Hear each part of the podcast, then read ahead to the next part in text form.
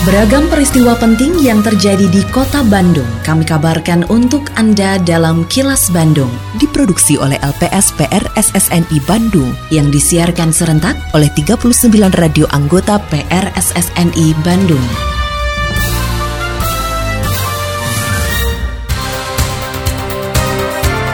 Sejumlah informasi aktual kami hadirkan untuk Anda dan inilah informasi utamanya.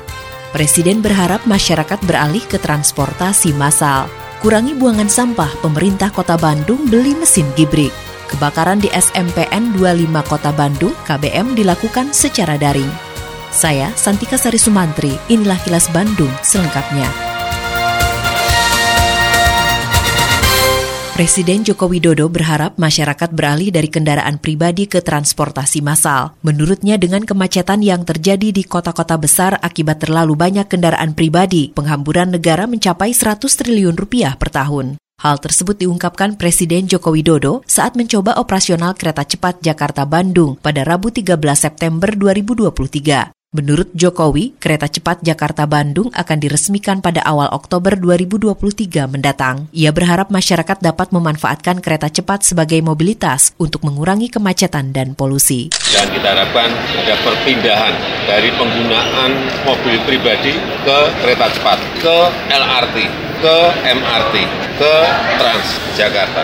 Sehingga kemacetan di jalan bisa dikurangi, polusi bisa dikurangi.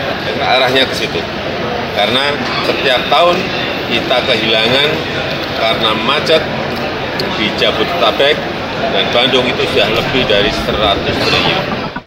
Hingga saat ini pembuangan sampah ke tempat pembuangan akhir sampah atau TPAS Sarimukti masih belum normal. Pengangkutan sampah hanya bisa dilakukan sebanyak 161 ritase dari jumlah ideal yang mencapai 241 ritase. Oleh karenanya pelaksana harian Wali Kota Bandung Emma Sumarna kembali meminta warga agar mengolah dan memilah sampah sejak dari rumah untuk mengurangi volume sampah yang dibuang. Menurutnya pemerintah kota Bandung terus melakukan upaya mengurangi atau reduksi penanganan sampah, antara lain dengan menyiapkan lokasi tempat pembuangan sampah atau TPS sementara di sejumlah titik. Selain itu, pemerintah kota Bandung juga membeli mesin gibrik mini yang saat ini sudah ada di 10 titik lokasi. Mesin mini cacah sampah tersebut setidaknya bisa mengurangi sampah yang bertumpuk di jalan-jalan utama.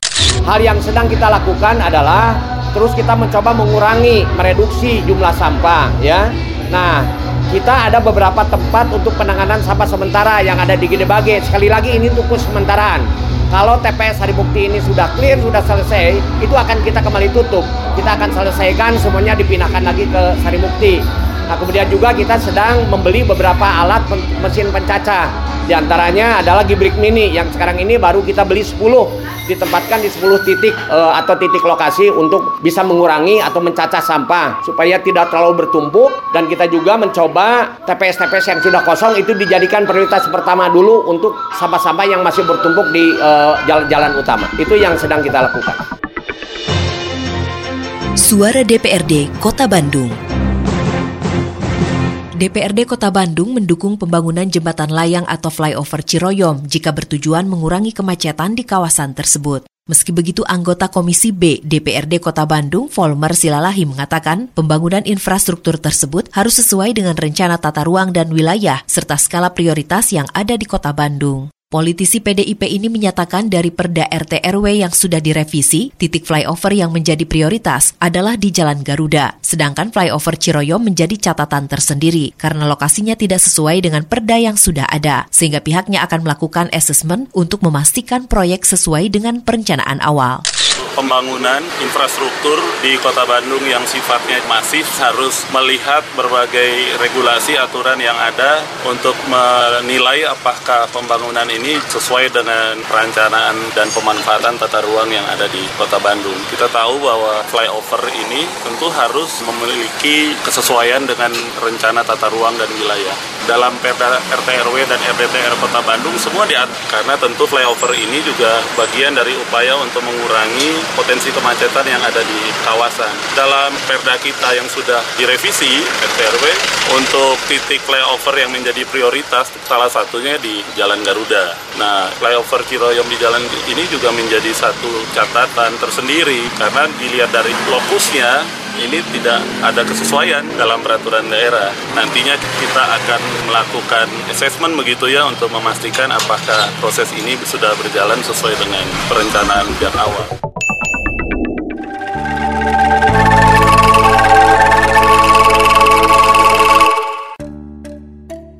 Nggak kerasa banget ya Wargi. 25 September 2023 ini, Kota Bandung menginjak angka 213 tahun. Bersatu dalam kolaborasi Wujudkan Bandung Unggul menjadi tema Hari Jadi Kota Bandung yang ke-213. Kamu bisa ikut merayakan dengan memasang dekorasi, umbul-umbul, spanduk, dan baliho dengan penggunaan logo HJKB ke-213 tahun 2023. Wargi juga bisa melaksanakan berbagai kegiatan dalam dalam rangka memeriahkan rangkaian peringatan HJKB ke-213. Puncak perayaan sekaligus upacara peringatan HJKB ke-213 akan digelar pada 25 September 2023 di Plaza Balai Kota Bandung. Pesan ini disampaikan oleh Diskominfo Kota Bandung. Kini, audio podcast siaran Kilas Bandung dan berbagai informasi menarik lainnya bisa Anda akses di laman kilasbandungnews.com. Rumah potong hewan atau RPH di Jalan Arjuna Ciroyom, Kecamatan Cicendo, Kota Bandung yang diresmikan tahun 1935 pada masa kolonial Belanda merupakan sebuah bangunan yang utuh. Anggota Tim Ahli Cagar Budaya atau TACB, David Bambang Sudiono mengatakan, jika bangunan tersebut dihancurkan meski hanya pos jaganya saja, maka akan menghilangkan nilai bangunan secara keseluruhan karena sudah tidak utuh. Apalagi dalam pembangunan suatu kawasan harus memperhatikan analisis dampak pusaka. David mengaku TACB tidak pernah diajak berdiskusi terkait proyek jembatan layang atau flyover Ciroyom. Padahal di kawasan tersebut terdapat RPH Ciroyom sebagai bangunan cagar budaya yang syarat nilai sejarah. Sebetulnya bangunan ini kalau uh, pendapat awam mengatakan ini kan cuma yang terkena hanya pos jaga begitu ya. Sebenarnya bangunan utamanya tidak terlanggar. Cagar budaya mengatakannya ini satu integritas, sesuatu yang utuh dan ini satu yang sangat otentik dan signifikan. Coba bisa dibayangkan ada kantor jagal yang ada pos jaga kemudian untuk masuk ke bangunan utamanya itu ada ada selasar terlindung itu luar biasa. Jadi kalau bangunan ini seandainya dipotong secara satu kesatuan, keutuhan, itu akan terganggu. Jadi bukan sekedar mengatakan ah cuma posnya begitu ya. Cara pikirnya tidak boleh begitu. Ada aturan internasional di UNESCO yang mengatakan bagaimana menangani bangunan cagar budaya. Kita ikutin itu aja aturan main yang sudah diakui oleh internasional. Kebakaran melanda SMP Negeri 25 Bandung di Jalan Pajagalan, Kelurahan Karanganyar, Kecamatan Astana Anyar pada Kamis malam. Kebakaran menghanguskan sebuah gudang dan dua ruang kelas di lantai tiga. Api diduga disebabkan arus pendek listrik dari ruangan yang terbakar. Kepala Seksi Penyelamatan pada Dinas Kebakaran dan Penanggulangan Bencana Kota Bandung, John Erwin, mengatakan lima unit mobil pemadam, satu unit mobil komando, dan satu unit mobil rescue dikerahkan untuk memadamkan api. Kebakaran dapat dipadamkan dalam waktu 60 menit sehingga tidak merembet ke bangunan lainnya. Sementara itu pelaksana tugas Kepala Sekolah SMPN 25 Bandung, Asep Ramdhani mengatakan, menyusul terjadinya kebakaran, pihaknya akan terus berkoordinasi dengan Dinas Pendidikan Kota Bandung. Selain itu, atas saran dari Polsek Astana Anyar, seluruh kelas tidak digunakan untuk dilakukan penyelidikan. Sedangkan kegiatan belajar mengajar untuk sementara dilakukan secara daring terjadi musibah kebakaran di lantai tiga itu satu gudang dan dua ruang kelas. Asal api dugaan awal itu dari konsleting setelah kami koordinasi dengan pihak Polsek Astana besok kita penjajakan dahulu. Jadi siswa belajarnya secara dari Pemerintah menetapkan status pandemi COVID-19 di Indonesia sudah berakhir dan mengubah COVID-19 menjadi penyakit endemi di Indonesia. Tetap jaga kesehatan diri dan keluarga selama situasi endemi dengan terus menjalankan perilaku hidup bersih dan sehat. Terima kasih Anda telah menyimak kilas Bandung yang diproduksi oleh LPSPR SSNI Bandung.